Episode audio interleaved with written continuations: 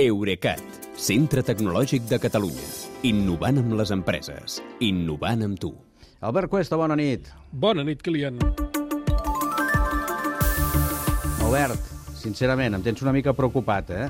Portem uns dies sense parlar del Twitter d'Elon Musk. Està sí que és veritat, aquí? sí que és veritat, però és que hi havia altres coses que explicar. No, això també és cert, això també és cert. No cal que s'hi acostumi, encara que el teníem bastant present a les nostres oracions. I avui tornem, per cert, perquè a partir de dijous la xarxa serà, em dius, molt menys entretinguda?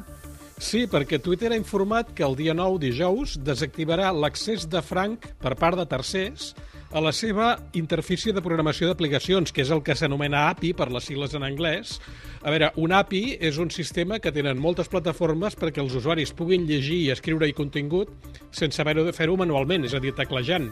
Per exemple, tu pots agafar d'una altra web eh, eh, o informació de borsa, resultats esportius, mapes, fotografies o valoracions de comerços i incorporar-los a la teva web o l'aplicació.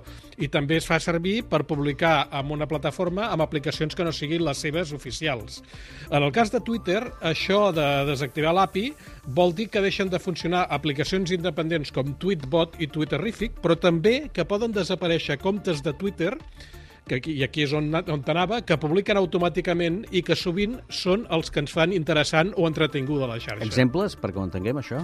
Doncs mira, sense anar més lluny, tots aquells comptes que rastregen i comuniquen la posició dels avions privats de multimilionaris com Elon Musk, però, de fet, aquests ja s'havien ocupat de vetar-los individu individualment Sí, perquè els feien nosa. Ho vam- vam parlar d'això. Ho vam parlar, sí, sí. Doncs la nova restricció d'accés a l'API de Twitter amenaça ara amb deixar inactius perfils tan veterans com un que es diu arroba Big Ben Clock, que porta més de 14 anys piulant cada hora tantes campanades com la torre del rellotge del Parlament britànic. Tu, tu, tu el segueixes i llavors cada hora et, et Va fent els tuit. nang-dangs i tot això. A les dues fa bong, bong, d'allò. Sí, sí. I a les, a les 12 en fa 12, Veig clar. que no ens hem posat d'acord a l'onomatopeia de la campana, però vaja, això ja ho discutirem un altre dia. No Segueix, recordo, segueix. no recordo com ho fa per piular una campanada en anglès.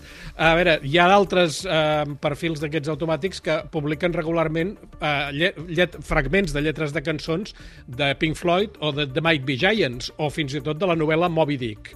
Uh, hi ha un que es diu arroba lastquake que piula en quin lloc hi ha hagut un terratrèmol i de quina magnitud Richter. O Doncs sigui que això és notícia avui, segurament, eh? la matinada passada va tenir molta activitat. Sí. Un altre, que és més curiós, que es diu CA, uh, arroba CADMB bot, que el que va fent és publicar particions de matrícules personalitzades que el Departament de Trànsit de l'Estat de Califòrnia ha rebutjat. I el motiu, també, per què les ha rebutjat. Arroba Restaurant Bot t'ensenya fotografies de restaurants a l'atzar de tot el món agafades de Google Maps. I Weatherbot va donant informació meteorològica de llocs aleatoris. I també hi ha bots, amb comptes automàtics, que et van mostrant imatges d'obres, eh, de pintures, d'escultures, dels fons de molts museus i fotografies astronòmiques, etc. Tot això és el que ara no es podrà ja seguir o Alguns consultar. Sí, sí, aquests probablement ja no funcionaran. Aquests ja no funcionaran. També hi ha perfils automàtics amb més intenció fins i tot política o econòmica, eh? I tant, eh, n'hi ha un que va avisant d'expedicions de material que arriben a Ucraïna i que poden contenir armament. També n'hi ha un altre que es diu arroba Big Tech Alert, que notifica cada vegada que el Consell Delegat d'un dels grans gegants digitals, o sigui Google, Amazon, Facebook, eh, comença a seguir, o bé deixa de seguir algú, cosa que pot donar pistes sobre futures operacions d'aquestes d'acords i d'absorcions. Més a prop hi ha Gobierno Alerta, que t'informa de l'activitat a Twitter dels perfils institucionals de les administracions de l'Estat i dels seus eh, responsables. Doncs, Per exemple, Isabel Díaz Ayuso ha començat a seguir no sé qui, doncs ell t'avisa. Ja. I, i, I encara més a prop tenim arroba politubs, que amb aquesta hi vaig estar implicat, és d'un grup de periodistes europeus, que arxiva els tuits que els polítics, en, el, en aquest cas catalans, esborren després d'haver-los publicats perquè se n'han penedit. Ja, interessant, això. Tot això corre perill de desaparèixer, dius. Quina explicació dona Twitter? Doncs, si més no, eh, corre perill de deixar de funcionar. Twitter sempre ha dit que molt del contingut brossa, o que es considera brossa, està generat per perfils automatitzats. Jo crec que en realitat se sap que la majoria dels tuits brossa no, les, no es publiquen fent servir l'API, així que dubto que l'estratègia els funcioni. En canvi, al darrere de la decisió sí que hi podria haver motius, és clar, econòmics, perquè 40.000 mil- 44.000 milions de dòlars que li va costar Twitter al Musk s'han de pagar d'alguna manera. Ja. Per una banda, només les aplicacions aplicacions pròpies de Twitter mostren els anuncis amb què l'empresa fa negoci i d'aquí que hagin sabotejat directament les de tercers. I per l'altra, és veritat que els accessos mitjançant l'API consumeixen més recursos tècnics de la plataforma, com si, si són molt freqüents, si piulen molt sovint.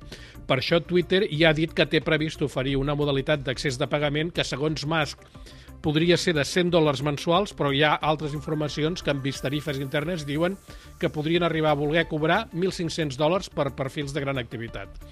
Uh, el que passa és que els creadors de molts d'aquests perfils que dèiem ja han dit que no tenen cap intenció de pagar 100 euros cada mes per oferir un contingut que només els reporta satisfacció personal o visibilitat, però ingressos no.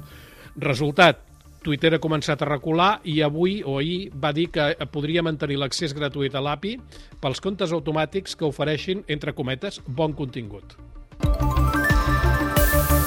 Però qui decideix quin és aquest bon contingut? Uh, Twitter, ja es veurà com ho fan.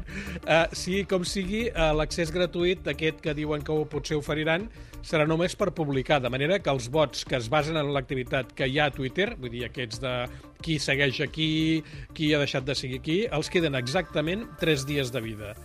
I hi ha, per això, molts d'ells, gairebé un centenar, que ja s'han passat a la xarxa alternativa Mastodon. Doncs mira, aquí ens torna a sortir Mastodon. Sí. Moltes gràcies, Albert. Fins demà. Bona nit, Kilian. Fins demà.